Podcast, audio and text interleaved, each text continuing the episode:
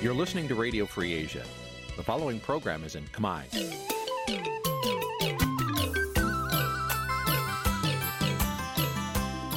នេះជាកម្មវិធីផ្សាយ Vuthu Azizi Serai នេះជាកម្មវិធីផ្សាយរបស់ Vuthu Azizi Serai ជាភាសាខ្មែរ Vuthu Azizi Serai សូមស្វាគមន៍លោកអ្នកនាងទាំងអស់ពីរដ្ឋធានី Washington នៃសហរដ្ឋអាមេរិក។ ចាប់ពីរដ្ឋធានី Washington នាងខ្ញុំម៉ៅសុធានីសូមជម្រាបសួរលោកអ្នកស្ដាប់ទាំងអស់ជាទីមេត្រី ចាយើងខ្ញុំសូមជូនការផ្សាយសម្រាប់ព្រឹកថ្ងៃសៅរ៍14កើតខែមិញឆ្នាំខាលចត្វាស័ក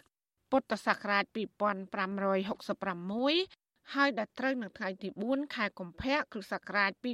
2023ជាដំបូងនេះសូមអញ្ជើញលោកអ្នកនាងកញ្ញាស្ដាប់ព័ត៌មានប្រចាំថ្ងៃដែលមានមេត្តាដូចតទៅ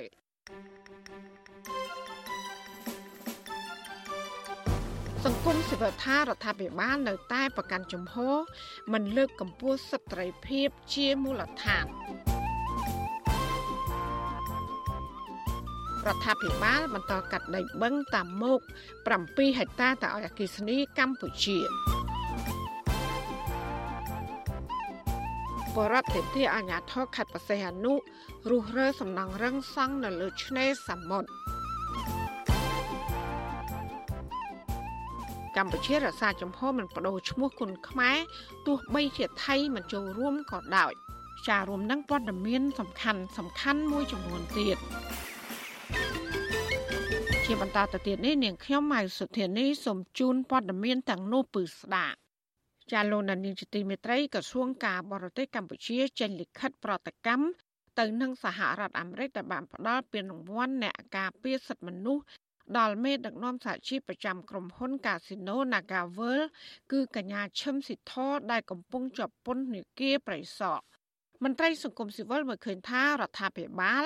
នៅតែប្រកាន់ជំហរមិនលើកកម្ពស់សិទ្ធិត្រីភាពជាមូលដ្ឋាន និងកាន់តែបង្ហាញពីភាពអាម៉ាស់ជាប្រធានាធិបតី Washington លោកយ៉ងច័ន្ទតារារាយការណ៍ព័ត៌មាននេះក្រសួងការបរទេសកម្ពុជាលើកឡើងនៅក្នុងសេចក្តីថ្លែងការណ៍នៅថ្ងៃទី3ខែកុម្ភៈថា ការប្រកាសរបស់ក្រសួងការបរទេសសហរដ្ឋអាមេរិកមិនតំណាងឲ្យបំណងប្រាថ្នាពិតប្រាកដនៃពលរដ្ឋកម្ពុជាភាគច្រើននោះទេ ក្រសួងចោទថាទង្វើបែបនេះគឺជាសារជំរុញផ្ដាល់កម្លាំងចិត្តដល់ក្រមដែលក្រសួងចោទថាកេងប្រវ័ញ្ចពីស្ថានភាពដើម្បីបំរើរបៀបវរៈរបស់ខ្លួនដែលជ្រកក្រោមស្លាកសិទ្ធិមនុស្សនិងប្រជាធិបតេយ្យប្រតិកម្មរបស់ក្រសួងការបរទេសកម្ពុជានេះធ្វើឡើងមួយថ្ងៃក្រោយពីក្រសួងការបរទេសសហរដ្ឋអាមេរិក បានប្រកាសផ្តល់ពានរង្វាន់ដល់អ្នកការពារសិទ្ធិមនុស្សសម្រាប់ឆ្នាំ2022ដល់កញ្ញាឈឹមស៊ីធនៅក្នុងចំណោមអ្នកការពារសិទ្ធិមនុស្ស9អ្នកផ្សេងទៀតមកពីប្រទេសផ្សេងផ្សេងសរុប10ប្រទេសក្រសួងការបរទេសអាមេរិកបញ្ជាក់ថាម្ចាស់ពានរង្វាន់ទាំងនេះបានបង្ហាញពីភាពជាអ្នកដឹកនាំនិងមានក្តីក្លាហាននៅក្នុងការជំរុញកិច្ចការពារសិទ្ធិមនុស្សនិងសេរីភាពជាមូលដ្ឋាន។ អ្នកទាំងនោះក៏ចូលរួមបង្ហាញពីការរំលោភសិទ្ធិមនុស្សរបស់រដ្ឋាភិបាល និងក្រុមហ៊ុនព្រមទាំងបានរួមគ្នាបង្កើតសកម្មភាពការពារបរិស្ថានកែប្រែអភិបាលកិច្ចឲ្យបានល្អនិងប្រកបដោយការទទួលខុសត្រូវព្រមទាំងបំបត្តិអំពើនិទានភាពចំពោះការផ្ដល់ពានរង្វាន់ពីសហរដ្ឋអាមេរិកនេះមន្ត្រីអង្គការសង្គមស៊ីវិលនៅក្នុងស្រុកនិងប្រជាពលរដ្ឋមួយចំនួន បានផ្ញើសារអបអរសាទរនិងគាំទ្រដល់កញ្ញាឈឹមស៊ីធជាមួយគ្នានេះ ពួកគេបានចាត់ទុកសេចក្តីថ្លែងការណ៍របស់ក្រសួងការបរទេសកម្ពុជាថាគ្រាន់តែជាការបិទបាំងទង្វើរំលោភសិទ្ធិមនុស្សដ៏គួរឲ្យអាម៉ាស់របស់រដ្ឋាភិបាលទៅវិញទេប្រធានអង្គការសម្ព័ន្ធភាពការពារសិទ្ធិមនុស្សកម្ពុជាហៅកាត់ថាច្រាក់លោករស់សុថាថ្លែងថាការផ្ដល់ពានរង្វាន់ដល់អ្នកការពារសិទ្ធិមនុស្សរបស់រដ្ឋាភិបាលសហរដ្ឋអាមេរិកទៅដល់កញ្ញាឈឹមស៊ីថននេះគឺដោយសារតែសហរដ្ឋអាមេរិកមើលឃើញនឹងផ្ដល់តម្លៃដល់ការតស៊ូបែបអហិង្សារបស់នាង ដើម្បីលើកកម្ពស់សិទ្ធិការងារលោកបន្តថាកញ្ញាឈឹមស៊ីធនិងក្រុមកោតក្រ Nagawal បានប្រើប្រាស់សិទ្ធិសេរីភាពរបស់ខ្លួនស្របទៅតាមច្បាប់នៅក្នុងការទៀមទាស្វែងរកដំណោះស្រាយការងារជាមួយក្រុមហ៊ុនដ៏មានឥទ្ធិពលក៏ប៉ុន្តែពួកគាត់មិនត្រឹមតែមិនទទួលបានដំណោះស្រាយនោះទេថែមទាំងទទួលរងនឹងការគំរាមកំហែងការរារាំងការប្រើអំពើហិង្សា ការចោទប្រកាន់តាមផ្លូវតុលាការ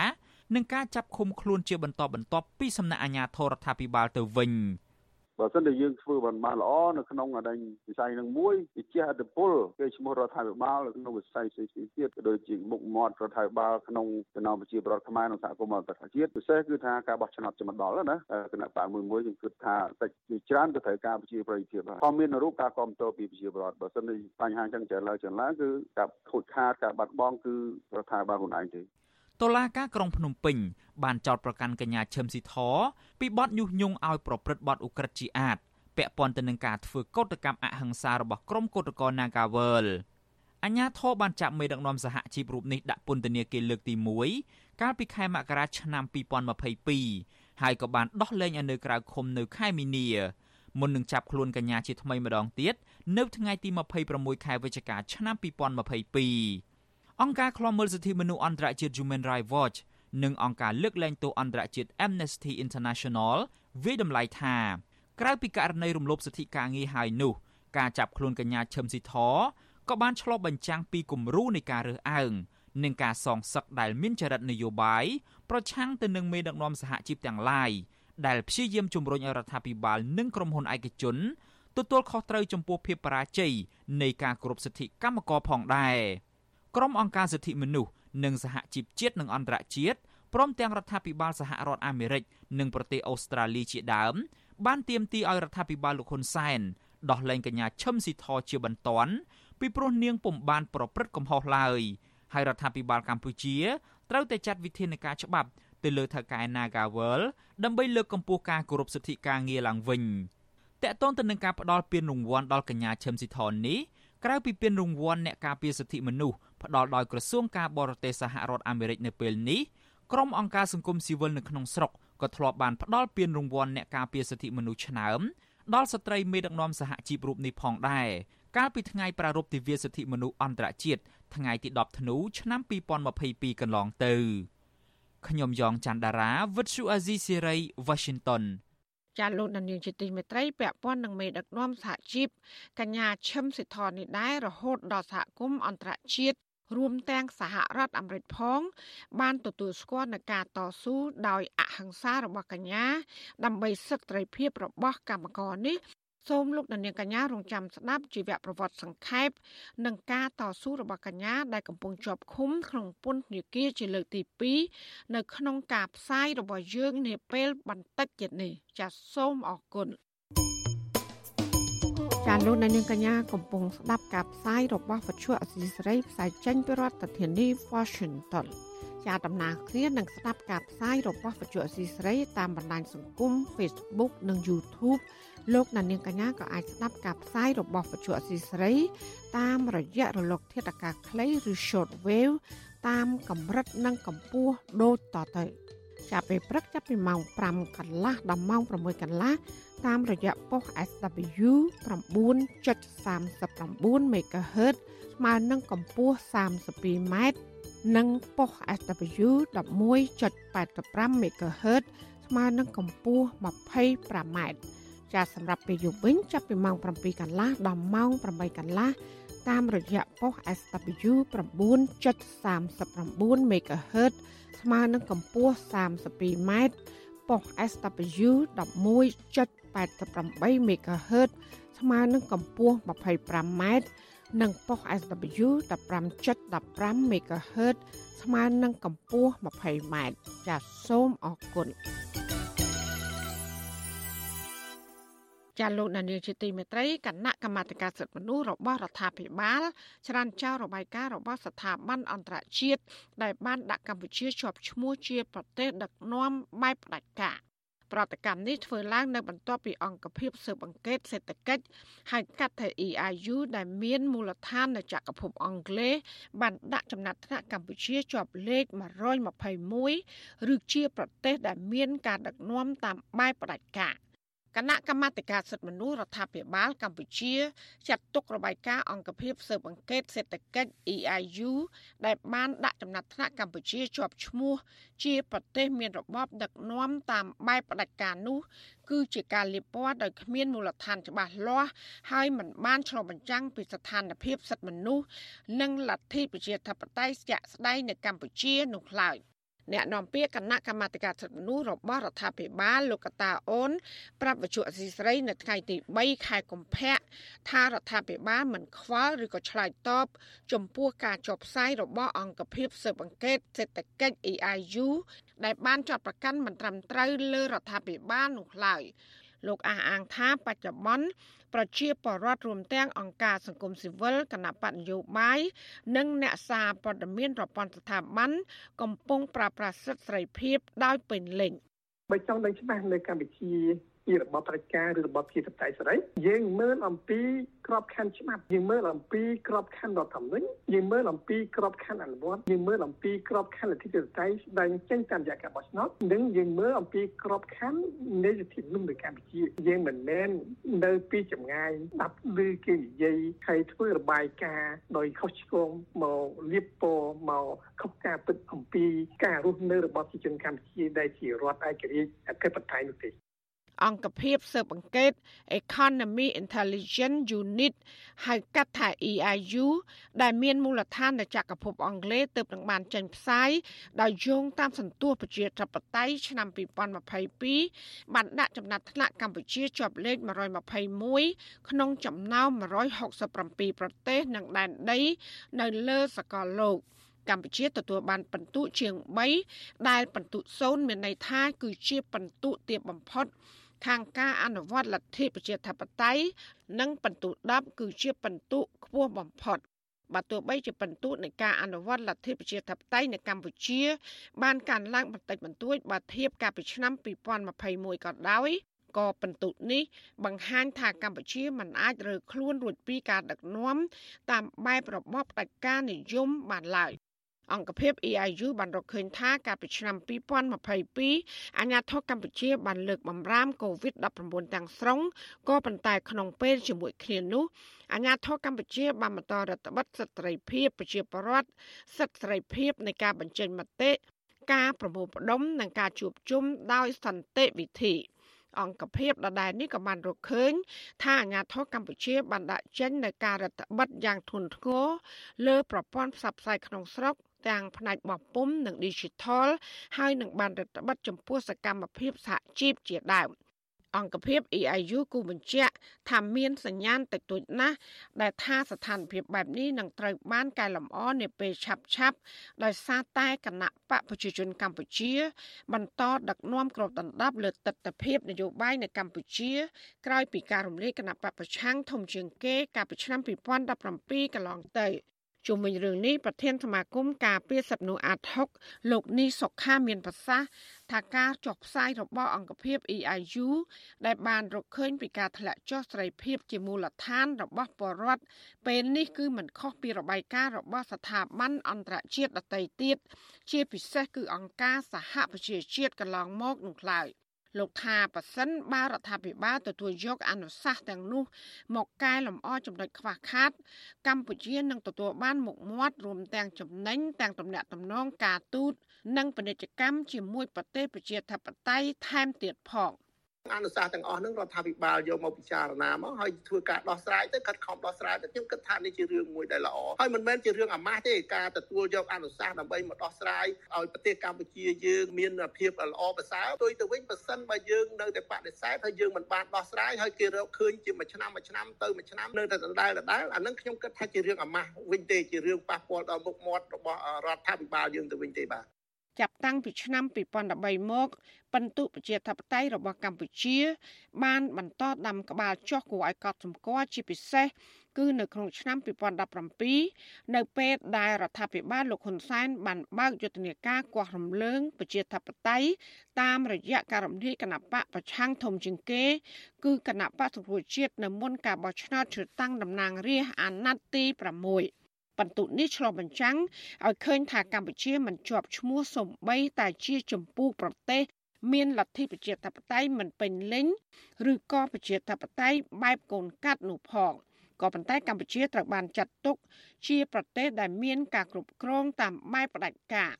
អង្គភាព EIU បែងចែកប្រជាធិបតេយ្យនៅលើពិភពលោកជា4ចម្ពោះ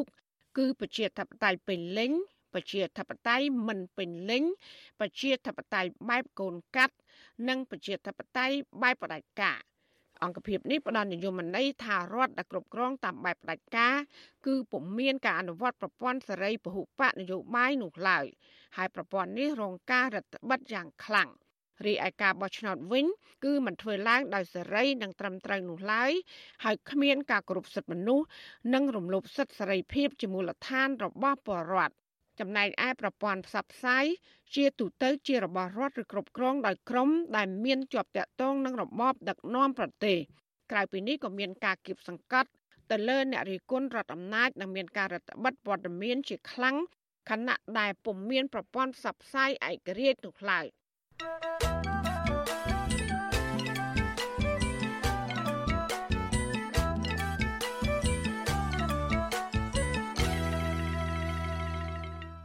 ចាលោកដាក់ស្ដាប់ជទីមេត្រីសកម្មជនបរិស្ថាន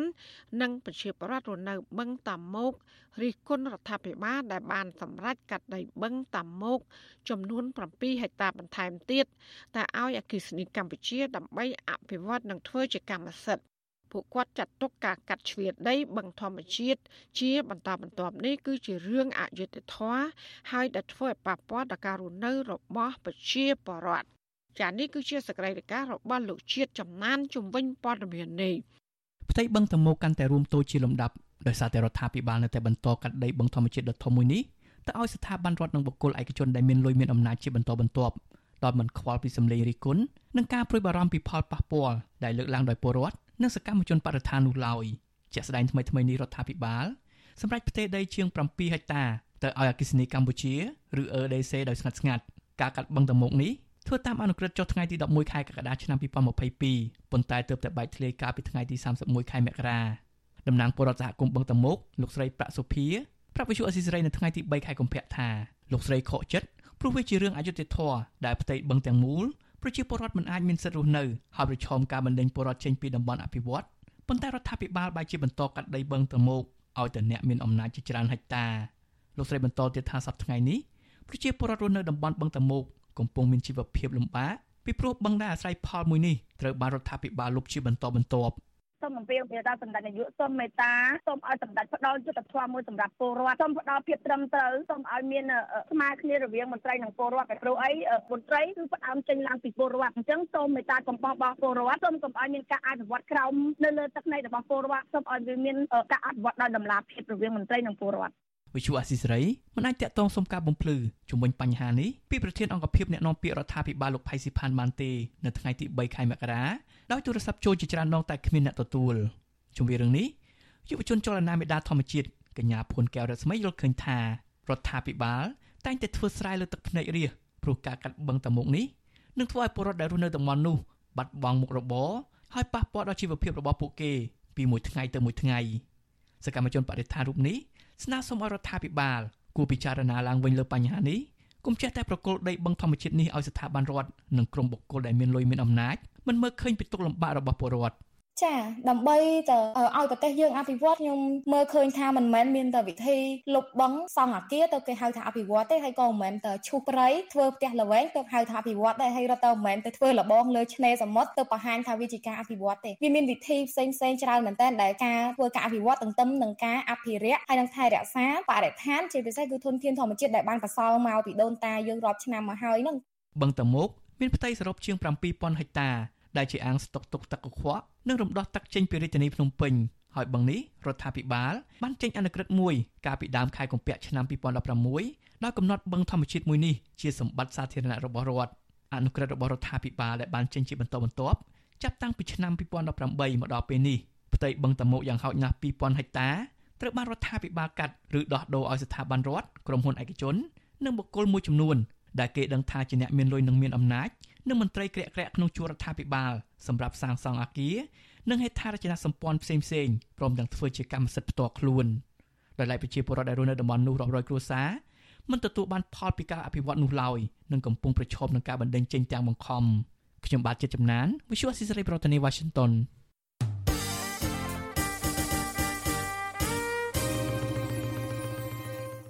លោកដានៀងកញ្ញាកំពុងស្ដាប់ការផ្សាយរបស់វិទ្យុអាស៊ីសេរីផ្សាយចេញពីរដ្ឋធានី Washington ចាននៅខេត្តបរសៃហនុអនុវិញក្រមយុវជន មន្ត្រីសង្គមស៊ីវិលនិងប្រជាពលរដ្ឋទាមទារឲ្យអាជ្ញាធរខេត្តនេះត្រូវចុះរុះរើសំណង់រឹង ដែលបំពេញដីឆ្នេរសមុទ្រដែលនាំឲ្យប៉ះពាល់សោភ័ណភាពបរិស្ថាន និងអារម្មណ៍របស់ភ្ញៀវទេសចរ តើមូលហេតុអ្វីបានជាអាជ្ញាធរខេត្តនេះបណ្ដេតបណ្ដោយឲ្យក្រុមហ៊ុនឯកជន សាងសង់សំណង់រឹងបំពេញដីឆ្នេរយ៉ាងដូចនេះចាសសេចក្តីរាយការណ៍ពីស្ដាមពីរឿងនេះលោកដានៀងក៏នឹងបានស្ដាប់នាពេលបន្តិចទៀតនេះ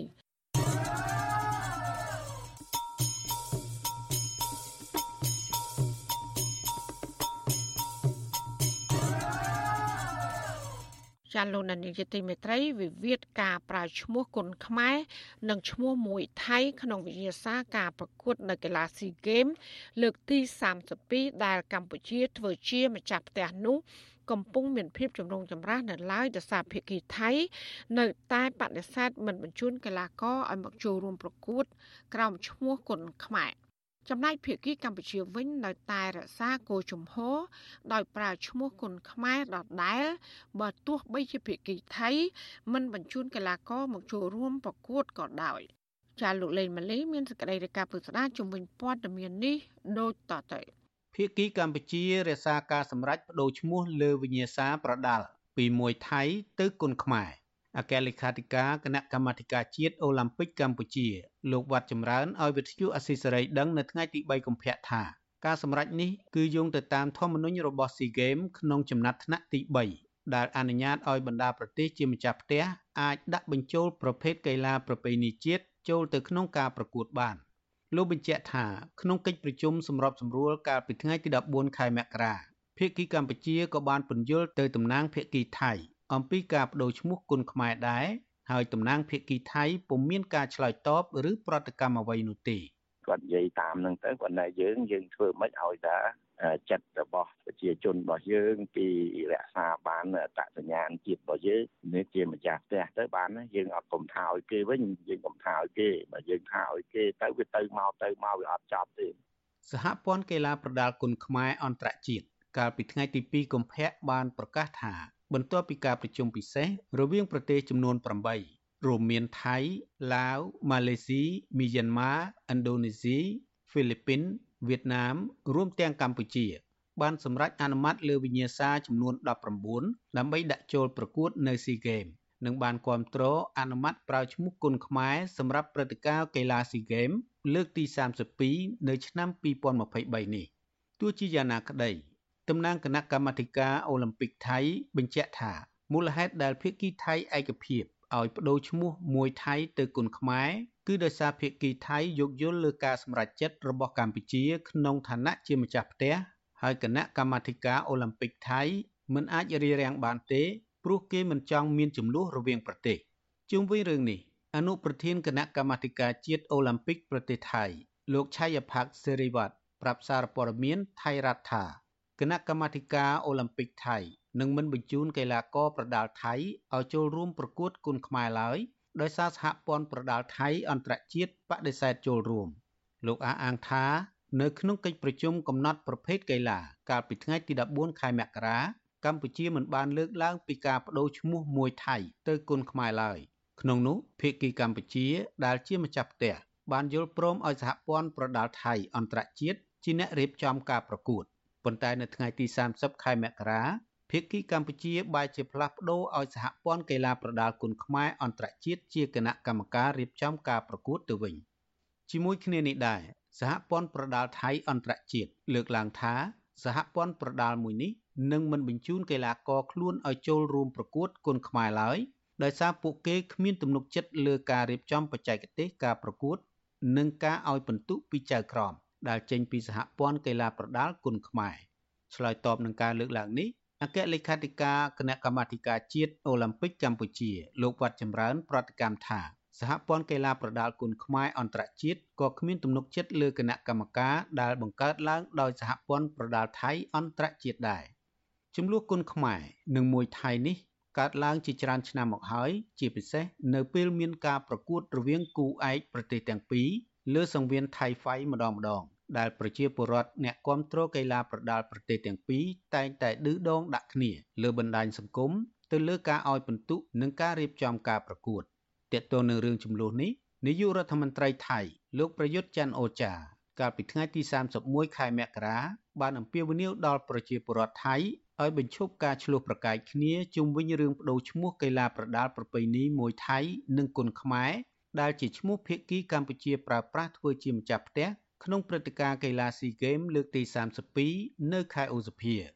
ដោយឡែកអ្នកតាមដានស្ថានភាពអន្តរជាតិយល់ឃើញថាចំនួននៃការប្រើប្រាស់ឈ្មោះគុនខ្មែរនិងមួយថៃនេះអាចជាចេតនាបកកាន់អំណាចរបស់លោកហ៊ុនសែនដែលជាទម្លាប់តែងតែបង្កើតរឿងឬព្រឹត្តិការណ៍ប្រជាពិធរាល់ឆ្នាំដែលមានការរៀបចំការបោះឆ្នោតម្ដងម្ដង ពួកគេមើលឃើញថារដ្ឋាភិបាលលោកហ៊ុនសែនដែលដឹកនាំកម្ពុជាជាង30ឆ្នាំកន្លងមក ពុំសូវយកចិត្តទុកដាក់អភិរក្សនិងលើកស្ទួយវិស័យកីឡាសិល្បៈនិងវប្បធម៌ឡើយទន្ទឹមគ្នានេះរដ្ឋាភិបាលលោកហ៊ុនសែនកំពុងប្រើប្រាស់តួនាទីម្ចាស់ផ្ទះរៀបចំកីឡាស៊ីហ្គេមលើកទី32ដើម្បីបង្ហាញពីឧត្តមភាពក្រោមការដឹកនាំរបស់លោកទោះបីជាពហុកីឡាដ្ឋានសម្រាប់ការប្រកួតកីឡាស៊ីហ្គេមដែលដាក់ឈ្មោះលោកហ៊ុនសែនជាលុយជំនួយរបស់មិត្តដៃថៃចិនក្តី ខ្ញុំបាទលេងម៉ាលីវិទ្យុអាស៊ីសេរីពីរដ្ឋធានី Washington ចាលោកនានីជាទីមេត្រីអ្នកជំនាញកិច្ចការអន្តរជាតិព្រមានថាកម្ពុជាអាចនឹងប្រឈមការបាត់បង់ទំហំពាណិជ្ជកម្មទំនាក់ទំនងល្អនិងកិច្ចគាំពៀវិស័យយោធាពីសំណាក់សហរដ្ឋអាមេរិកបើសិនមកកម្ពុជានៅតែមិនអាចលៀងជំរះនៅមន្ទិលសង្ស័យរបស់សហរដ្ឋអាមេរិកពាក់ព័ន្ធនឹងវត្តមានកងទ័ពចិននៅលើទឹកដីខ្មែរ។ ប្រតិកម្មនេះធ្វើឡើងក្រោយពីរដ្ឋមន្ត្រីក្រសួងការពារជាតិលោកទាបាញ់បានដឹកនាំកងទ័ពជាច្រើនអ្នកក្នុងនោះរួមមានទាំងមេបញ្ជាការកងទ័ពជើងគោកកម្ពុជាលោកហ៊ុនម៉ាណែតចុះទៅត្រួតពិនិត្យការដ្ឋានសាងសង់មូលដ្ឋាននៅសមុទ្ររៀម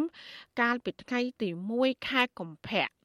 លោកទាបាញ់បានសរសេរនៅក្នុងទំព័រ Facebook ថាការសាងសង់មូលដ្ឋានសមុទ្ររៀមនេះកំពុងដំណើរការយ៉ាងសកម្មតាមផែនការដែលបានគ្រោងទុក លោកក៏បានអះអាងថាការធ្វើទំនើបកម្មមូលដ្ឋានសមុទ្ររៀមនេះគឺសំដៅដល់ការលើកកម្ពស់សមត្ថភាពកងទ័ពជើងទឹកឲ្យកាន់តែរីកចម្រើនមួយកម្រិតទៀតជាវិជ្ជាស៊ីស្រីមិនអាចតតងរដ្ឋមន្ត្រីការពារជាតិលោកទាបាញ់ដើម្បីសាកសួរបន្ថែមលើរឿងនេះបានទេកាលពីថ្ងៃទី3ខែកុម្ភៈ ពាក់ព័ន្ធនឹងរឿងនេះដែរអ្នកជំនាញផ្នែកវិទ្យាសាស្ត្រនយោបាយនិងកិច្ចការអន្តរជាតិលោកអែមសវណ្ណរាលើកឡើងថាកម្ពុជាពុំគួរទុករឿងនេះចោលនោះទេពលគឺរដ្ឋាភិបាល គួរតែពន្លឿនរកមធ្យោបាយដើម្បីបង្ហាញដំណាភាពជុំវិញការសាងសង់មូលដ្ឋានទំនើបកម្មកំពង់ផែរៀមដើម្បីកុំឲ្យកម្ពុជាបន្តរងសម្ពាធនិងបាត់បង់ទំនាក់ទំនងល្អជាមួយសហរដ្ឋអាមេរិក ផែកងទ័ពជើងទឹកនៅរៀមហ្នឹងគឺមានសារៈសំខាន់ណាស់ដែលភាគីកម្ពុជាមិនអាចគ្រាន់តែប្រកាសតាមរយៈទំព័រ Facebook ឬក៏បណ្ដាញព័ត៌មានរបស់ខ្លួនហ្នឹងជាការគ្រប់គ្រាន់ដើម្បីលៀងជំរះនៅជាមន្ទិលសង្ស័យឬក៏ការចាប់ប្រកាន់របស់សហរដ្ឋអាមេរិកមកលើកម្ពុជាជាដើមវាទាមទារឲ្យភាគីកម្ពុជាហ្នឹងបង្កើតកិច្ចសហប្រតិបត្តិការបើកចំណាក់ទំនងពីភាគីកម្ពុជាសហរដ្ឋអាមេរិកឲ្យលក្ខណៈប្រសើរដូចមុនឆ្នាំ2000 2017ឬក៏ដូចមុននៅកម្ពុជាលុបចោលនៅសម្យុទ្ធយោធាជាមួយសហរដ្ឋអាមេរិកច្បាប់អង្គរជាដើមមិនឲ្យភាគីទាំងពីរហ្នឹងជឿទុកចិត្តគ្នាដោយពិតប្រាកដសិនកាលណានៅមានមន្ទិលសង្ស័យមានការចោទប្រកាន់ហ្នឹងផលប្រយោជន៍បាត់ធំមុនគេហ្នឹងគឺផលប្រយោជន៍លើវិស័យយោធារបស់ភាគីកម្ពុជាហើយនឹងបាត់ប្រយោជន៍បន្តបន្តទៀតលើវិស័យការទូតហើយនឹងពាណិជ្ជកម្មដែលអាចរងសម្ពាធឬការដកសេចក្តីទុកចិត្តពីសហរដ្ឋអាមេរិកនិងសម្ព័ន្ធមិត្តរបស់សហរដ្ឋអាមេរិកជាដើមនេះជាក្តីកង្វល់របស់ពលរដ្ឋកម្ពុជាទូទៅអ្នកនយោបាយគួរតែឆ្លើយតបដើម្បីរក្សាបាននៅអត្ថប្រយោជន៍របស់ប្រទេសជាតិទាំងមូលបាទសហរដ្ឋអាមេរិកនិងប្រទេសជាសម្ព័ន្ធមិត្តរបស់ខ្លួនមួយចំនួន បានបង្ហាញក្តីកង្វល់នៅមូលដ្ឋានកងទ័ពជើងទឹករៀមនៅខេត្តបរសៃហនុ និងបានគូសបញ្ជាក់ពីសារៈសំខាន់នៃដំណាភាពពេញលេញអំពីសកម្មភាពរបស់យោធានៃប្រទេសចិន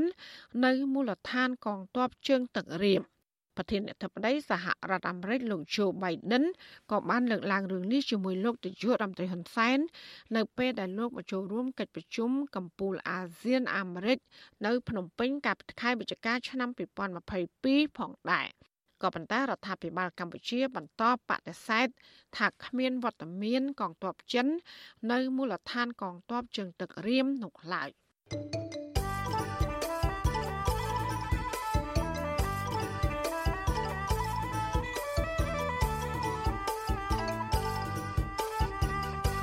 ចាលោកដានីជាទីមេត្រីអាញាធនតាមមូលដ្ឋាន បន្តឃ្លាំមើលក្បួនធម្មយាត្រាដើម្បីលើកកម្ពស់សិលធម៌សង្គមនៅថ្ងៃទី3នេះក៏ប៉ុន្តែបើទោះបីជាមានការលួចថតរូបអ្នកចូលរួមធម្មយាត្រាយ៉ាងណាក្តីក៏ប្រជាពលរដ្ឋតាមដងផ្លូវនៅតែគាំទ្រដល់ក្រុមធម្មយាត្រាតាមរយៈការជួយឧបត្ថម្ភជាទឹកគ្រឿងឧបភោគបរិភោគនិងចូលរួមដំណើរធម្មយាត្រានេះផងដែរ ចាលោកនៅវណ្ណរិនរាយការណ៍ជំវិញព័ត៌មាននេះថ្ងៃទី3នៃក្បួនធម្មយាត្រាលើកកម្ពស់សិលធម៌សង្គមរបស់សមាគមគ្រូបង្រៀនកម្ពុជាឯករាជ្យដែលមានការចូលរួមពីព្រះសង្ឃគ្រូបង្រៀនសកម្មជនការពារសិទ្ធិមនុស្សនិងក្រមស្ត្រីថ្ងៃសុកប្រមាណ50នាក់បានធ្វើដំណើរទៅដល់ស្រុកបរិបូរខេត្តកំពង់ឆ្នាំងហើយនៅថ្ងៃទី3ខែកុម្ភៈនេះទីប្រឹក្សាសមាគមគ្រូបង្រៀនកម្ពុជាឯករាជ្យនិងជាសមាជិកគណៈបកភ្លើងទៀន លោករងឈុនឲ្យដឹងថាបើទោះជាមានការឃ្លាំមើលពីសំណាក់អាជ្ញាធរមូលដ្ឋាន និងមានការលួចថតរូបអ្នកចូលរួមក្បួនដង្ហែធម្មយាត្រានេះក្តីក៏ប៉ុន្តែធម្មយាត្រានៅថ្ងៃទី3នេះបានទទួលការគាំទ្រជាច្រើនពីសំណាក់ពលរដ្ឋប្រជាពលរដ្ឋដែលរស់នៅតាមដងផ្លូវជាច្រើន បានផ្ដល់គ្រឿងឧបភោគបរិភោគនិងទឹកដល់ក្បួនធម្មយាត្រាគណៈពលរដ្ឋមួយចំនួន បានចូលរួមដង្ហែធម្មយាត្រានេះផងដែរ។ ថ្នាក់ដឹកនាំមានសិលធម៌ល្អពេលហ្នឹងមនុស្សនៅក្រោមបង្គាប់ក៏មានសិលធម៌ល្អហើយយុវជនចំនួនក្រោយក៏មានសិលធម៌អញ្ចឹងថ្នាក់ដឹកនាំដូចជាគ្រូឧទ្ទេសនាម មួយអ្នកអញ្ចឹងនៅពេលដែលគាត់ខ្លែងម្ដងម្ដងមនុស្សរាប់សិបអ្នកដែលមើលហើយនឹងតាមដានអញ្ចឹងហើយបានជាយើងត្រូវថាចាប់ដើមពីថាថ្នាក់លើមកយើងមិនអាចថាថ្នាក់ក្រោមហើយថ្នាក់លើมันបានធ្វើជាគំរូដល់ថ្នាក់ក្រោមអានឹងវានឹងពិបាកទទួលបានលទ្ធផលល្អ ឈានមកដល់ថ្ងៃទី3នៃធម្មយាត្រានេះអ្នកចូលរួមដើរក្បួនធម្មយាត្រាភៀកច្រើន ហាក់ថមថយកម្លាំងនិងមានពងបែកនៅបាតជើងក៏ប៉ុន្តែពួកគាត់នៅតែបដិញ្ញាចិត្តដើររហូតដល់គោលដៅក្បួនធម្មយាត្រាលើកកម្ពស់សិលធម៌សង្គមបានធ្វើដំណើរថ្មើរជើងចេញពីរាជធានីភ្នំពេញ កាលពីថ្ងៃទី1ខែកុម្ភៈឆ្ពោះទៅខេត្តពោធិ៍សាត់ដោយឆ្លងកាត់ខេត្តកណ្ដាលកំពង់ស្ពឺ និងកំពង់ឆ្នាំងនៅតាមដងផ្លូវហែធម្មយាត្រានេះ ពលរដ្ឋខ្លះប្រគេនភេសជ្ជៈនិងថ្នាំសង្កូវដល់ព្រះសង្ឃនិងអ្នកចូលរួមដង្ហែអ្នកចូលរួមខ្លះមានកាន់ទង់ជាតិខ្មែរនិងខ្លះទៀតកាន់ទង់សាសនាហើយអ្នកខ្លះទៀតកាន់រូបថតអ្នកទស្សនយោបាយដូចជាកញ្ញាសេងធីរីនិងមេដឹកនាំសហជីព Nagawal កញ្ញាឈឹមស៊ីធជាដើម ពួកគាត់ ដើរផងស្រែកផង ស្នើឲ្យរដ្ឋាភិបាលដោះលែងអ្នកជាប់ឃុំនយោបាយនិងអ្នកអនុវត្តសិទ្ធិសេរីភាពហើយបញ្ឈប់ការប្រើប្រាស់ពាក្យសម្ដីគំរាមកំហែងបង្កការឈឺចាប់ដោយងាកមកដោះស្រាយចំនួននយោបាយដើម្បីឲ្យមានឯកភាពជាតិនិងផ្សះផ្សាជាតិឡើងវិញសមាគមគ្រូបង្រៀនកម្ពុជាឯករាជ្យយល់ឃើញថា ការបណ្ដោយឲ្យមានទង្វើនិងពាក្យសម្ដីទាំងនេះកើតឡើងគឺជាការសាបព្រោះវប្បធម៌អាក្រក់ដល់អ្នកនយោបាយនិងយុវជនចំនួនក្រោយប្រសិនបើគ្មានការទប់ស្កាត់ឬពញ្ញាក់ស្មារតីបុគ្គលទាំងនោះទេ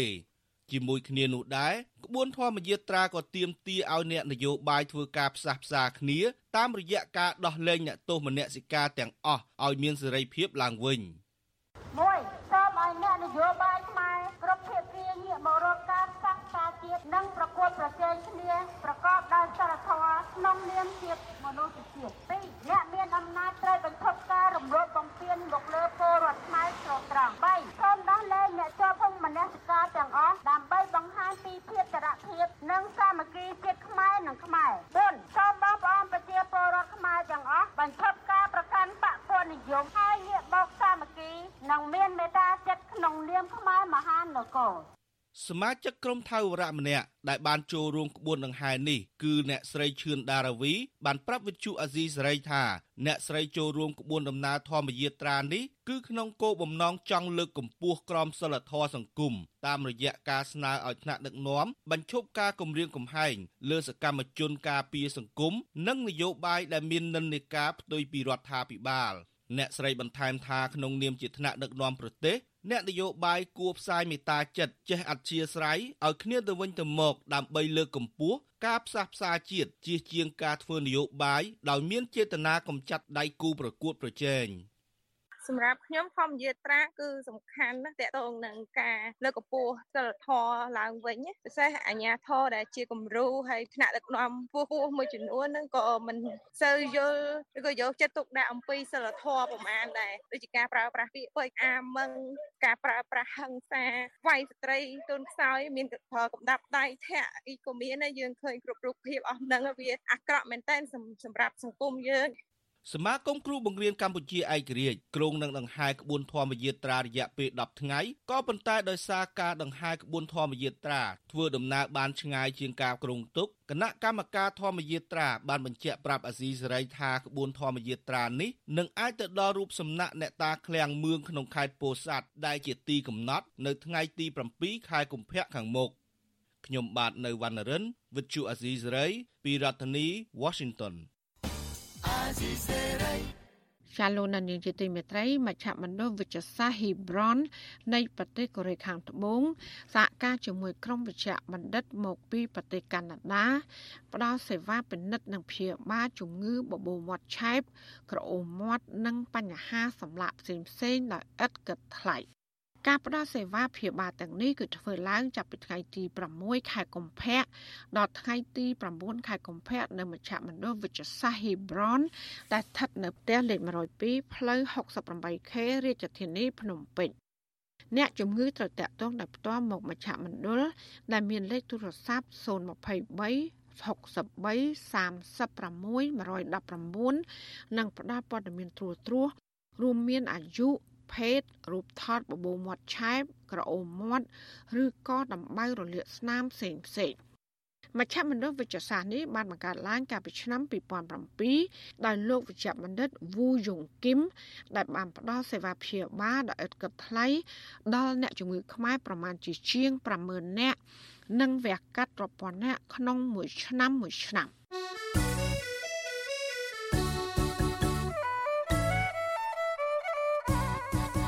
ចាលោកនានីជាទីមេត្រីវិទ្យុអសីស្រីសូមជូនដំណឹងថាយើងគ្មានអ្នកយកព័ត៌មានប្រចាំនៅប្រទេសកម្ពុជានោះឡើយ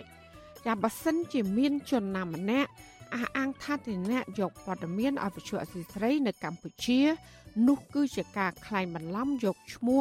របស់វិទ្យុអសីស្រីក្នុងគោលបំណងទុច្ចរិតណាមួយរបស់បុគ្គលនោះចាសសូមអរគុណ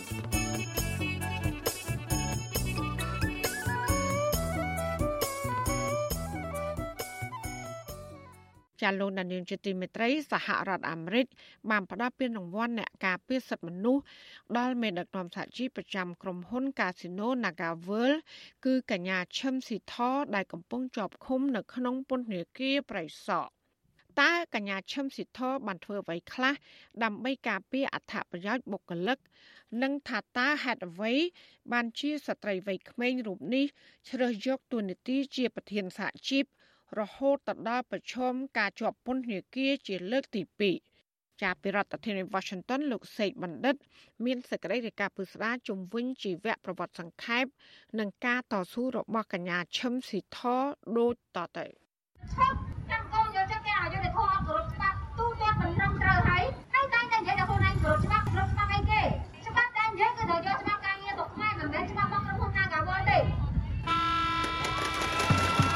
កញ្ញាឈឹមស៊ីធ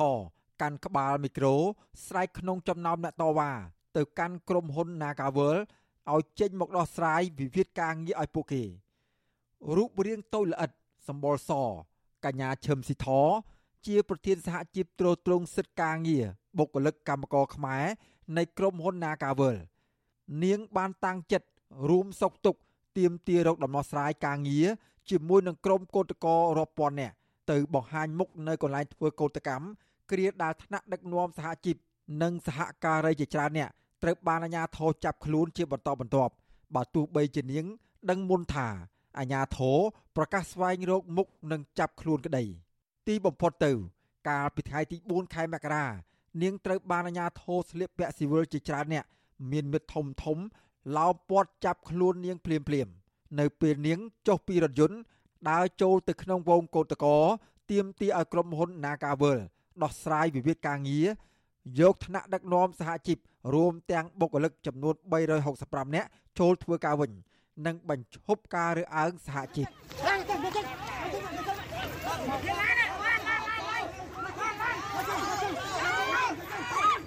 មិនមែនជាការផ្ទះផ្អើលសម្រាប់កញ្ញាឈឹមស៊ីធពេកទេព្រោះនាងបានសន្និដ្ឋានរួចទៅហើយថានឹងមានថ្ងៃនេះ គឺនាងនឹងជាប់ពន្ធនាគារស៊ីធបានត្រៀមខ្លួនរួចជាស្រេចនាងបានកាត់សក់ខ្លីឈរថតរូបកាន់បដាតែប្រមាណម៉ោងប៉ុណ្ណោះមុនការចាប់ខ្លួន ដោយពីដានោះបានសរសេរថាខ្ញុំជាប់គុកដោយសារទៀមទាឲ្យនាការវើលគោរពសិទ្ធិសហជីពព្រោះតែភាពអង់អាចក្លាហានរបស់កញ្ញាឈឹមស៊ីធនេះហើយធ្វើឲ្យសាធារណជន អ្នកធ្វើការងារសង្គមអ្នកធ្វើការងារនៅក្នុងវិស័យការងារ អង្គការសង្គមស៊ីវិលជាតិនិងអន្តរជាតិនិងអ្នកជំនាញសិទ្ធិមនុស្សរបស់អង្គការសហប្រជាជាតិផងយល់ថានេះជាការប្រើប្រាស់សិទ្ធិសេរីភាពនៃការជួបប្រជុំសម្ដែងមតិដោយសន្តិវិធី និងធានាដោយច្បាប់មិនមែនជាបទល្មើសនោះទេចាប់តាំងពីថ្ងៃទី31ខែធ្នូឆ្នាំ2021ដល់ថ្ងៃទី4ខែមករាឆ្នាំ2022សមត្ថកិច្ចរាជធានីភ្នំពេញបានចាប់ខ្លួនកោតកោសកម្មជនសហជីព និងថ្នាក់ដឹកនាំសហជីពសរុបចំនួន29នាក់ក្នុងនោះមានអ្នករត់ម៉ូតូកង់3និងស្ត្រីមានផ្ទៃពោះផងក្រោយមកសមត្ថកិច្ចបានដោះលែងមនុស្សចំនួន20នាក់មកវិញដោយឲ្យធ្វើកិច្ចសន្យាឈប់ចូលរួមតវ៉ានិងខ្លះដាក់ឲ្យស្ថិតនៅក្រោមការត្រួតពិនិត្យរបស់តុលាការប៉ុន្តែកញ្ញាឈឹមស៊ីធនិងសមាជិកសហជីពចំនួន7នាក់ទៀតត្រូវបានតុលាការក្រុងភ្នំពេញសម្រេចឃុំខ្លួនបណ្ដោះអាសន្ននៅពន្ធនាគារព្រៃសរ ដោយចោទប្រកាន់ពួកគេពីបទញុះញង់មុនពេលចាប់ខ្លួនអាជ្ញាធរបានប្រកាសថា ពួកគេគឺជាមេខ្លោងកោតកម្មខុសច្បាប់និងបានទទួលប្រាក់ឧបត្ថម្ភពីអង្គការក្រៅរដ្ឋាភិបាល ដើម្បីធ្វើសកម្មភាពខុសច្បាប់នេះរីឯមន្ត្រីក្រសួងកាងារលោកហេងសួរវិញ បានចោទថាកោតកម្មនេះធ្វើឡើងដោយប្រើប្រាស់អនិច្ចជន ជាពិសេសស្ត្រីមានកូនខ្ចីឬស្ត្រីមានផ្ទៃពោះ ដើម្បីចូលរួមតវ៉ាអ្វីមួយ និងជាតាក់ទិចមួយ ដែលមានសរសេរនៅក្នុងក្បួនរបស់អ្នករៀបចំចលនាបដិវត្តពណ៌នៅប្រទេសណាមួយហើយអ្នករៀបចំផែនការតែងតែបន់ស្រន់ឲ្យមានគ្រោះថ្នាក់ដោយចៃដន្យណាមួយកើតឡើងលើអនិច្ចជន ឬលើស្ត្រី ដើម្បីតាក់ទាញសមានចិត្តនិងបញ្ឆេះកំហឹងមហាជន បញ្ហានេះនាំឲ្យសហគមន៍ជាតិនិងអន្តរជាតិថ្កោលទោសអាញាធរកម្ពុជា ថាបានរំលោភសិទ្ធិមនុស្ស និងរំលោភសិទ្ធិការងារធ្ងន់ធ្ងរដែលបញ្ហាគឺផ្ដើមចេញពីចំនួនវិវាទការងាររវាងក្រុមហ៊ុន Casino NagaWorld និងក្រុមកម្មករនយោជិតមិនត្រូវបានលើកយកមកដោះស្រាយប៉ុន្តែមន្ត្រីផ្នែកសិទ្ធិមនុស្សរដ្ឋាភិបាលចាត់ទុកវិធានការរបស់អាជ្ញាធរថាជាការអនុវត្តច្បាប់ត្រឹមត្រូវតកតទៅនឹងរឿងរ៉ាវនេះដែរប្រធានសហភាពសហជីពកម្ពុជាហៅកាត់ថា CCU លោករងឈុនយល់ថា ការដែលក្រសួងការងារអំពាវនាវឲ្យបុគ្គលិក Nagawal ទៅដោះស្រាយវិវាទការងារដោយចាប់ខ្លួនកញ្ញាឈឹមស៊ីធនិងមេដឹកនាំសហជីពនោះ គឺជារឿងមិនសមហេតុសមផលខណៈពួកគេធ្វើតាមនីតិវិធីជាង8ខែតែគ្មានដំណោះស្រាយ អ្វីដែលទើបតែចេញលិខិតក៏អញ្ជើញតំណាងទៅចរចាឥឡូវនេះតំណាងពួកគាត់នៅជាប់ពន្ធនាគារហើយអញ្ចឹងមានតែត្រូវដោះលែងពួកគាត់ហើយពួកគាត់ទៅចរចាទៅទៅចែកគ្នាទៅរកដំណោះស្រាយទៅអានឹងទើបជាការល្អប្រសើរកញ្ញាឈឹមស៊ីធមានស្រុកកំណើតនៅស្រុកពីមជោខេត្តព្រៃវែងហើយបានមកធំធាត់រស់នៅក្នុងទីក្រុងភ្នំពេញនៅពេលដែលឪពុកម្ដាយដែលជាអ្នករកស៊ីបានផ្លាស់ទីលំនៅចេញពីខេត្តព្រៃវែង ស៊ីធធ្លាប់ជាសិស្សរៀនជាប់ចំណាត់ថ្នាក់សិស្សពូកែផ្នែកគណិតវិទ្យានៅវិទ្យាល័យព្រះស៊ីសវត្តនាងបានអាហារូបករណ៍ផ្នែកសេដ្ឋកិច្ចនិងព័ត៌មានវិទ្យានៅសាកលវិទ្យាល័យភូមិន្ទនីតិសាស្ត្រនិងវិទ្យាសាស្ត្រសេដ្ឋកិច្ចនាងចេះភាសាអង់គ្លេសនិងចិនយ៉ាងស្ទាត់ជំនាញនិងចេះភាសាថៃអាចទំនាក់ទំនងគ្នាបានកញ្ញាឈឹមស៊ីធបានប្រឡូកការងារសហជីពដោយចាប់ផ្ដើមពីសមាជិកធម្មតា នៅក្នុងឆ្នាំ2007 គឺនៅមួយឆ្នាំក្រោយពីនាង បានចូលធ្វើការងារនៅក្រុមហ៊ុន Nagavel ស៊ីធធ្លាប់ផ្ដល់បទសម្ភាសឲ្យវិទ្យុអាស៊ីសេរីថានាងឈឺចាប់នៅពេលដែលនាងឃើញសហជីពចំនួនមុនមុននាង នៅក្រុមហ៊ុននេះត្រូវបញ្ឈប់ពីការងារទាំងគ្មានកំហុសនៅពេលដែលពួកគេទាមទាររកលក្ខខណ្ឌការងារនិងប្រាក់ឈ្នួលសមរម្យសម្រាប់បុគ្គលិកដោយមានសមានចិត្តចង់ជួយបុគ្គលិកគ្នាឯងនិងសង្កេតឃើញភាពអយុត្តិធម៌នេះ ទើបជំរុញទឹកចិត្តឲ្យនាងប្រឹងប្រែងក្នុងទូនាទីសហជីពនេះរហូតមកភាពអយុត្តិធម៌នេះបានធ្លាក់ដល់កញ្ញាឈឹមស៊ីធមែនកាលពីយប់ថ្ងៃទី20ខែកញ្ញាឆ្នាំ2019កន្លងទៅ ក្រុមហ៊ុន Nagavel បានសម្រេចព្យួរការងារកញ្ញាឈឹមស៊ីធដែលកាលនោះនាងបានតាមសួរនាំហេតុផលរឿងសន្តិសុខក្រុមហ៊ុនឆែកកាបូបបុគ្គលិកម្នាក់ហើយបានឃើញនឹងដកហូតអាវយឺតដែលមានសរសេរថា ក្រុមហ៊ុនរីកចម្រើន បុគ្គលិកត្រូវការប្រាក់ខែរស់នៅសមរម្យករណីនេះក្រុមហ៊ុនបានចោទថាកញ្ញាជាមេខ្លោងនាំបុគ្គលិកពាក់អាវយឺតធ្វើយុទ្ធនាការទាមទារប្រាក់ឈ្នួលក្រោយក្រសួងការងារផ្សះផ្សាជាមួយនឹងតំណាងក្រុមហ៊ុន និងតំណាងសហជីពក្រុមហ៊ុននេះមិនបានទទួលយកកញ្ញាឈឹមស៊ីធឲ្យចូលធ្វើការងារវិញឡើយក្រៅពីនេះកញ្ញាឈឹមស៊ីធក៏ធ្លាប់ជាប់បណ្ដឹងរដ្ឋបវេនីមួយនៅតុលាការ ដោយក្រុមហ៊ុនប្តឹងទាមទារសំណងចំនួន1លាន7សែនដុល្លារដោយសារតែការដឹកនាំធ្វើកោតកម្មនៅក្នុងឆ្នាំ2013ក្នុងយុទ្ធនាការទាមទារលក្ខខណ្ឌការងារជាពិសេសគឺទាមទារដំឡើងប្រាក់ឈ្នួលសមរម្យប៉ុន្តែហើយស៊ីធមិនបានរៀថយទេប្រធានសហព័ន្ធសហជីពកម្មករចំណីអាហារនិងសេវាកម្មកម្ពុជា អ្នកស្រីអ៊ូទេផូលីនថ្លែងថា អ្នកស្រីស្ញប់ស្ញែងចំពោះឆន្ទៈ និងការលះបង់សេរីភាពរបស់កញ្ញាឈឹមស៊ីធនៅពេលនេះអ្នកស្រីអ៊ូទេផូលីនដែលជាដៃគូការងារជារៀមច្បង និងជាមិត្តភ័ក្តិចិត្តដិតជាមួយនឹងកញ្ញាឈឹមស៊ីធសង្កេតឃើញថាស៊ីធគឺជាមនុស្សមានទឹកចិត្តមុតស្រួចមើងម៉ាត់និងមានការបញ្ញាចិត្តខ្ពស់ហើយតែងតែចេះឈឺឆ្អាលចំពោះបញ្ហាសង្គមហើយមិនដែលត្អូញត្អែពីការធ្វើការងារដោយស្ម័គ្រចិត្តគ្មានប្រាក់ខែនោះឡើយគាត់យល់ថាការងារសហជីពមួយគត់ជាការងារដែល បានធ្វើបន់ប៉ັດជាមួយនឹងមនុស្សរស់ទាមទារអត្ថប្រយោជន៍ពីតកែអីហ្នឹងបានមកដល់កម្មករយុជិកគឺធ្វើបន់ជាមួយមនុស្សរស់ហើយមនុស្សទាំងអស់ហ្នឹងគឺសមនឹងទទួលបានអ្វីដែលពួកគាត់ប្រឹងប្រែងទៅណាក៏ដោយស៊ីតអត់តែបំភ្លេចចោលនៅនិយាយពីរឿងការងារសង្គមឯទោះបីយើងគិតថាអូឥឡូវពេលជាពេល holiday យើងអត់ចង់និយាយរឿងការងារណាដែលតែធ្វើយើងតានតឹងផ្លូវអារម្មណ៍ផ្លូវចិត្តទេណា ប៉ុន្តែស៊ីធតែងតែនិយាយរហូតទៅចែកគ្នារហូតទៅលើរឿងកន្លែងណាដែលយើងទៅដល់ខេត្តណាទៅដល់កន្លែងណាគឺយើងតែងតែមើលឃើញអំពីទុកលំបាករបស់ប្រជាពលរដ្ឋទូទៅដោយសារតែអយុត្តិធម៌សង្គមដែលធ្វើឲ្យក្មេងៗបាត់បង់ការសិក្សាដែលធ្វើឲ្យមនុស្សជាច្រើនគេងនៅតាមផ្លូវ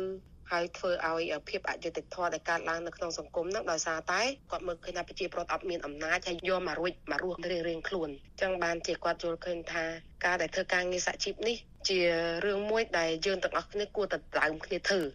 រីឯបងប្រុសកញ្ញាឈឹមស៊ីធគឺលោកឈឹមយាអះអាងថា លោកជាអ្នកផ្គត់ផ្គង់ឲ្យស៊ីធបានរៀនសូត្ររហូតមក ក្នុងចំណោមសមាជិកក្រុមគ្រួសារស៊ីធបានរៀនសូត្របានខ្ពង់ខ្ពស់ហើយនាងមានភាពអំណត់ជាងគេ លោកថាស៊ីធអាយុ37ឆ្នាំហើយ នាងមិនដែលនឹកភ្នែកចង់បានរកគូស្រករឡើយ នាងស្រឡាញ់តែការងារសង្គមរហូតដល់ជាប់ពន្ធនាគារតែទោះយ៉ាងណាលោកនៅតែមានមោទនភាពចំពោះប្អូនស្រី ដែលជាមនុស្សស្រឡាញ់ភាពត្រឹមត្រូវនិងយុត្តិធម៌សង្គមខ្ញុំសប្បាយចិត្តមួយដែលគាត់ហ៊ានលះបង់សម្រាប់ក្រុមការងាររបស់គាត់គាត់ស្រឡាញ់បុគ្គលិករបស់គាត់ក្រុមការងាររបស់គាត់ដែលគាត់ខំតស៊ូមតិដើម្បីឆ្នាំងបាយក្រុមហ៊ុនរបស់គាត់ទេហើយក៏ខ្ញុំមានមោទនភាពដែរដែលបងអូន គាត់តស៊ូមតិសម្រាប់តែកន្លែងការងាររបស់គាត់ហើយទៅជាបំបែគាត់ទៅជារឿងផ្សេងអានេះខ្ញុំអត់សូវសប្បាយចិត្ត Nagavel ជាក្រុមហ៊ុនដែលស្ថិតនៅក្នុងចំណោមក្រុមហ៊ុនលំដាប់ពិភពលោក ដែលរកប្រាក់ចំណេញបានច្រើនបំផុតក្រុមហ៊ុននេះ មានមណ្ឌលកំសាន្តសន្តាគារនិងកាស៊ីណូឬបលល្បែងដែលទទួលបានអាជ្ញាប័ណ្ណរកស៊ីរយៈពេល70ឆ្នាំនៅកម្ពុជា នៅក្នុងសារឆ្លើយឆ្លងជាអក្សរតាមទូរស័ព្ទ ដែលបែកធ្លាយកាលពីឆ្នាំ2017បង្ហាញថាម្ចាស់កាស៊ីណូ Nagavel មានទំនាក់ទំនងជាមួយនឹងភរិយា និងកូនរបស់លោកនាយករដ្ឋមន្ត្រីហ៊ុនសែនកូនរបស់លោកសុកអាន និងមន្ត្រីរដ្ឋាភិបាលមួយចំនួនទៀតកូនកូនរបស់លោកហ៊ុនសែនទាំង4នាក់តាមរយៈសារបែកធ្លាយនោះបានបង្ហាញថាពួកគេមានទំនាក់ទំនងជាមួយនឹងថៅកែ Nagavel រួមមានលោកហ៊ុនម៉ាណែតលោកហ៊ុនម៉ាណិត លោកហ៊ុនម៉ានី និងអ្នកស្រីហ៊ុនម៉ាណា នៅក្នុងប្រវត្តិនៃការទៀមទារបស់សហជីពនៅក្រុមហ៊ុនដ៏មានឥទ្ធិពលនេះថ្នាក់ដឹកនាំសហជីពតែងតែត្រូវរងការធ្វើទុកបុកម្នេញដោយការព្យួរការងារជាប់បណ្ដឹងនៅតុលាការនិងចុងក្រោយ គឺបណ្ដឹងចេញពីការងារករណីនេះកញ្ញាឈឹមស៊ីធធ្លាប់បានអះអាងថា នាងបានត្រៀមខ្លួនទុកជាមុនរួចហើយថានាងនឹងជួបរឿងរ៉ាវទាំងនេះនៅពេលដែលសេរីភាពសហជីពនៅកម្ពុជា មិនត្រូវបានធានាឲ្យពេញលេញទៅតាមផ្លូវច្បាប់នោះឡើយកញ្ញាបន្តថាក្នុងនាមសហជីពការពីប្រយោជន៍បុគ្គលិកនាងមិនរៀថយឡើយគឺថែមទាំងចង់បង្ហាញ ទៅមនុស្សចំនួនក្រោយថាត្រូវរឹងមាំប្រឈមមុខនឹងបញ្ហា ដែលកើតមានឡើងនៅក្នុងទូនាទីជាអ្នកដឹកនាំដើម្បីការពារយុត្តិធម៌នាងថាមានតែអ្នកដែលរងភាពអយុត្តិធម៌ទេដែលយល់ច្បាស់កញ្ញាឈឹមស៊ីធតែងតែបណ្ដុះគំនិតឲ្យសមាជិកសហជីព ចេះឈឺឆ្អាលនិងរួមគ្នាការពារសិទ្ធិនិងប្រឆាំងនឹងភាពអយុត្តិធម៌កុំចាំតែដល់ភាពរងគ្រោះធ្លាក់មកដល់ខ្លួនទើបងើបឡើង គឺយឺតពេលទៅហើយកញ្ញាឈឹមស៊ីធបានផ្ដល់បទសម្ភាសមុនពេលអាជ្ញាធរចាប់ខ្លួនថា ដើម្បីបញ្ឈប់ការតវ៉ានាពេលនេះលុះត្រាតែដោះលែងថ្នាក់ដឹកនាំសហជីពទម្លាក់ចោលរាល់ការចោទប្រកាន់លើពួកគេឈប់រើសអើងសហជីពហើយភាគីក្រុមហ៊ុន ត្រូវចូលតុចរចាជាមួយនឹងសហជីពប្រកបដោយភាពស្មោះត្រង់ខ្ញុំបាទសេកបណ្ឌិតវុទ្ធុអាស៊ីសេរីពីរដ្ឋធានីវ៉ាស៊ីនតោន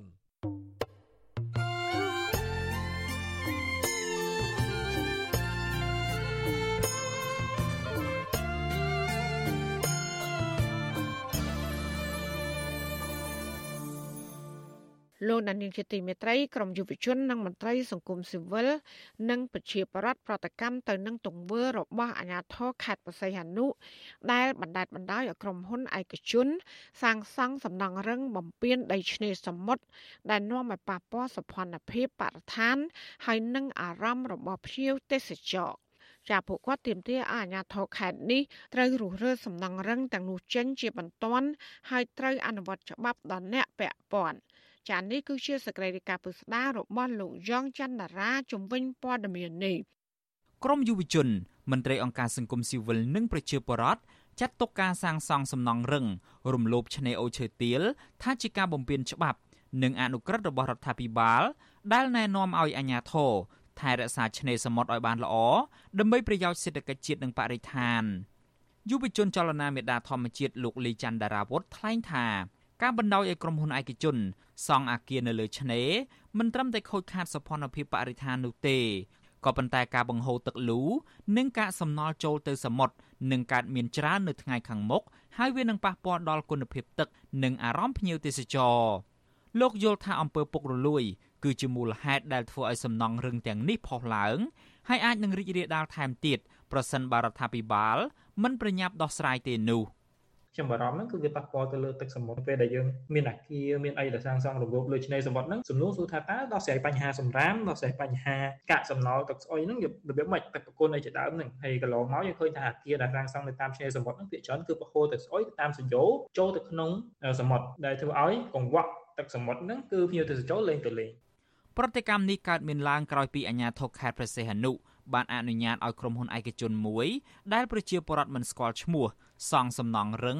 និងរបងថ្មទំហំទទឹងជិត100ម៉ែត្របណ្ដោយជិត100ម៉ែត្រនៅលើឆ្នេរអូឈើទាល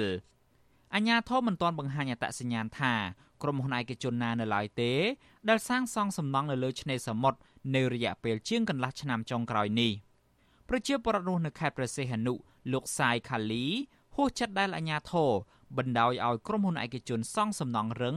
រំលោភឆ្នេរសមុទ្រដែលប៉ះពាល់ដល់ប្រយោជន៍សាធារណៈនិងកន្លែងភ្ញៀវទេសចរលេងកម្សាន្តដូចអត់មានប្រសិទ្ធភាពទេច្បាប់ឲ្យប្រជាពលរដ្ឋធម្មតាតែច្បាប់អត់រឹងមាំអញ្ចឹងខ្ញុំគិតថាវាពិបាកណាវាច្បោកច្បល់អស់សង្ឃឹមជាមួយច្បាប់សម្រាប់បានអ្នកតូចតាចដល់ពេលអ្នកធំអញ្ចឹងគេចេះតែធ្វើបានមានអារម្មណ៍អញ្ចឹងណាយើងជាប្រជាពលរដ្ឋតូចតាចមិនធ្វើអីគ្រាន់តែយើងបានតែ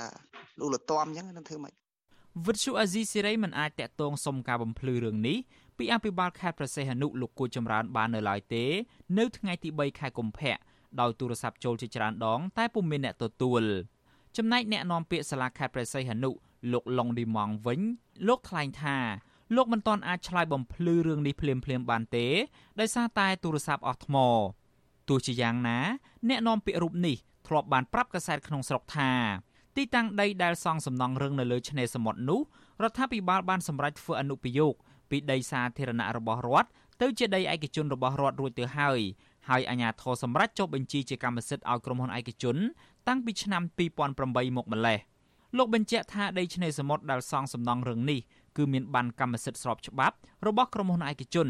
ដែលមានទំហំផ្ទៃដីជិត1ហិកតាទោះបីជាអាជ្ញាធរខេត្តប្រសេះអនុថ្លែងការពីពីភាពស្របច្បាប់ចំពោះការសាងសង់សំណង់រឹងនៅលើឆ្នេរសមុទ្រទាំងនេះក្តី ក៏ទង្វើនេះគឺផ្ទុយពីបទបញ្ជារបស់លោកនាយករដ្ឋមន្ត្រីហ៊ុនសែនលោកហ៊ុនសែនធ្លាប់ប្រមានលុបចោលបានកម្មសិទ្ធិទាំងឡាយណាដែលសង់បំពេញទៅលើដីឆ្នេរសមុទ្រនិងដីភ្នំដែលជាទ្រព្យសម្បត្តិសាធារណៈរបស់រដ្ឋ វាបណ្ដាលម៉ែអាណាទៅយកដីមាត់សមុទ្រហើយទៅកាន់កាប់អាឆ្នេរទៅក្នុងសមុទ្រទៅទៀតវាបណ្ដាលមានដីរបស់រដ្ឋរដ្ឋត្រូវយកវិញអារឿងយើងចេញប្លង់ដីគេបានលុបចោលក៏បានដែរអត់មានបញ្ហាទេមុខភាពចោលទៅលើដីណាដែលជាចំណែកដីរបស់រដ្ឋឆ្នេរសមុទ្រកម្ពុជាត្រូវបានចាត់បញ្ចូលជាសមាជិកក្លឹបសមុទ្រដែលស្អាតបំផុតនៅលើពិភពលោកកាលពីឆ្នាំ2011ដោយសារភាពប្រណិតនៃបរិស្ថានធម្មជាតិដ៏សម្បូរបែប ជីវៈចម្រុះតម្លៃអេកូឡូស៊ីប្រពៃណីនៅក្នុងតំបន់សេដ្ឋកិច្ចនិងវប្បធម៌តាក់ទាញភ្ញៀវទេសចរជុំវិញរឿងនេះអ្នកសម្របសម្រួលគម្រោងធុរកិច្ចនិងសិទ្ធិមនុស្សនៃមជ្ឈមណ្ឌលសិទ្ធិមនុស្សកម្ពុជាលោកវ៉ាន់សុផាតយល់ថាការផ្ដល់បានកម្មសិទ្ធិឲ្យទៅក្រុមហ៊ុនឯកជនគ្រប់គ្រងនិងសង់សំណង់រឹងនៅលើដីឆ្នេរសមុទ្រនោះគឺផ្ទុយពីស្មារតីច្បាប់ភូមិបាលនិងរដ្ឋធម្មនុញ្ញលោកថាគណៈកម្មការគ្រប់គ្រងឆ្នេរសមុទ្រ មានតួនាទីថែរក្សាសោភ័ណភាពឆ្នេរដែលមិនគួរបណ្ដោយឲ្យក្រុមហ៊ុនសង់សំណង់រឹងដូចនេះទេការដែលអះអាងថាជាដីស្របច្បាប់ឲ្យបានបកគលទៅឲ្យក្រុមហ៊ុននឹងតាំងពីប្រហែលឆ្នាំមុនហ្នឹងគឺថាហ្នឹងវាខុសនឹងនីតិវិធីវាផ្ទុយនឹងច្បាប់ជើងហើយនៅកន្លែងហ្នឹងវាអត់ទាន់មានថាអស់ប្រយោជន៍សាធារណៈជាកន្លែងជាតំបន់ទេសចរអនុក្រឹត្យលេខ98ដែលចុះហត្ថលេខាដោយលោកនាយរដ្ឋមន្ត្រីហ៊ុនសែនកាលពីឆ្នាំ2015ចែងថា ការកាន់កាប់ឆ្នេរនិងពីមសមុទ្រត្រូវមានចម្ងាយលើសពី100ម៉ែត្រគិតពីមាត់ឆ្នេរឬគិតចាប់ពីពេលទឹកសមុទ្រចូលខ្ពស់បំផុតកន្លងទៅរដ្ឋបាលខេត្តព្រះសីហនុតែងតែប្រមានប្រជាពលរដ្ឋនិងអាជីវករលក់ដូរមិនឲ្យសង់សំណង់ថ្មីដែលគ្មានច្បាប់ហើយនៅក្នុងករណីដែលមិនគោរពតាមទេនោះអាជ្ញាធរនឹងបញ្ជូនសំណុំរឿងនេះទៅកាន់តុលាការដើម្បីផ្ដន់ទាទោសក៏ប៉ុន្តែប្រជាពលរដ្ឋសង្កេតឃើញថា អាជ្ញាធរបែរជាអនុញ្ញាតឲ្យក្រុមហ៊ុនវិនិយោគនិងឈ្មួញមានទ្រព្យសម្បត្តិអាចមានសិទ្ធិសង់សំណង់រឹងមាំធំធំនៅលើឆ្នេរសមុទ្រព្រមទាំងហុំព័ទ្ធឆ្នេរមិនឲ្យមនុស្សដើរឆ្លងកាត់ថែមទៀតខ្ញុំយ៉ងច័ន្ទដារាវិទ្យុអាស៊ីសេរី Washington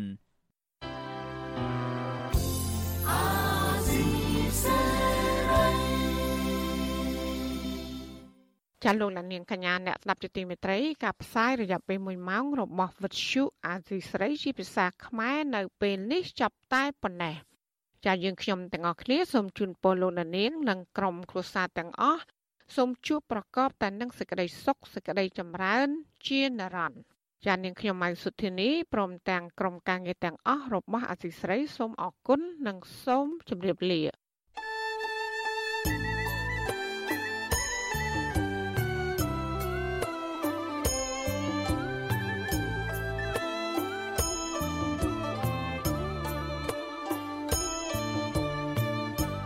វិទ្យុអេស៊ីសរ៉ៃផ្សាយតាមរលក ធារកាសខ្លីឬ shortwave តាមកម្រិតនិងកម្ពស់ដូចតទៅនេះពេលព្រឹកចាប់ពីម៉ោង5កន្លះដល់ម៉ោង6កន្លះតាមរយៈប៉ុស SW 9.39 MHz ស្មើនឹងកម្ពស់ 32m និងប៉ុស SW 11.85 MHz ស្មើនឹងកម្ពស់ 25m ពេលយប់ចាប់ពីម៉ោង7កន្លះដល់ម៉ោង8កន្លះតាមរយៈប៉ុស SW 9.39 MHz ស្មើនឹងកម្ពស់ 32m ប៉ុស SW 11.88 MHz ស្មើនឹងកម្ពស់ 25m និងប៉ុស SW 15.15 MHz ស្មើនឹងកម្ពស់ 20m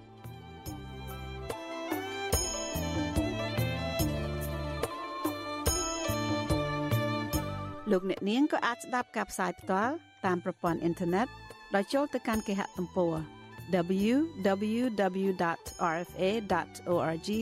ខ្មែរក្រៅពីនេះលោកអ្នកនាងក៏អាចអាននិងទស្សនាព័ត៌មានវិទ្យុអេស៊ីសេរីលើទូរស័ព្ទដៃរបស់លោកអ្នកផ្ទាល់សូមលោកអ្នកនាង ចូលទៅកាន់កម្មវិធី Facebook រួចស្វែងរកពាក្យ RFA ខ្មែរនិង YouTube ដោយស្វែងរកពាក្យ RFA ខ្មែរ សូមលោកអ្នកនាងចុច like និងចុច subscribe ដើម្បីទទួលបានព័ត៌មានថ្មីៗបានហេតុការនិងទស្សនាវីដេអូផ្សេងៗទៀតបានគ្រប់ពេលវេលា។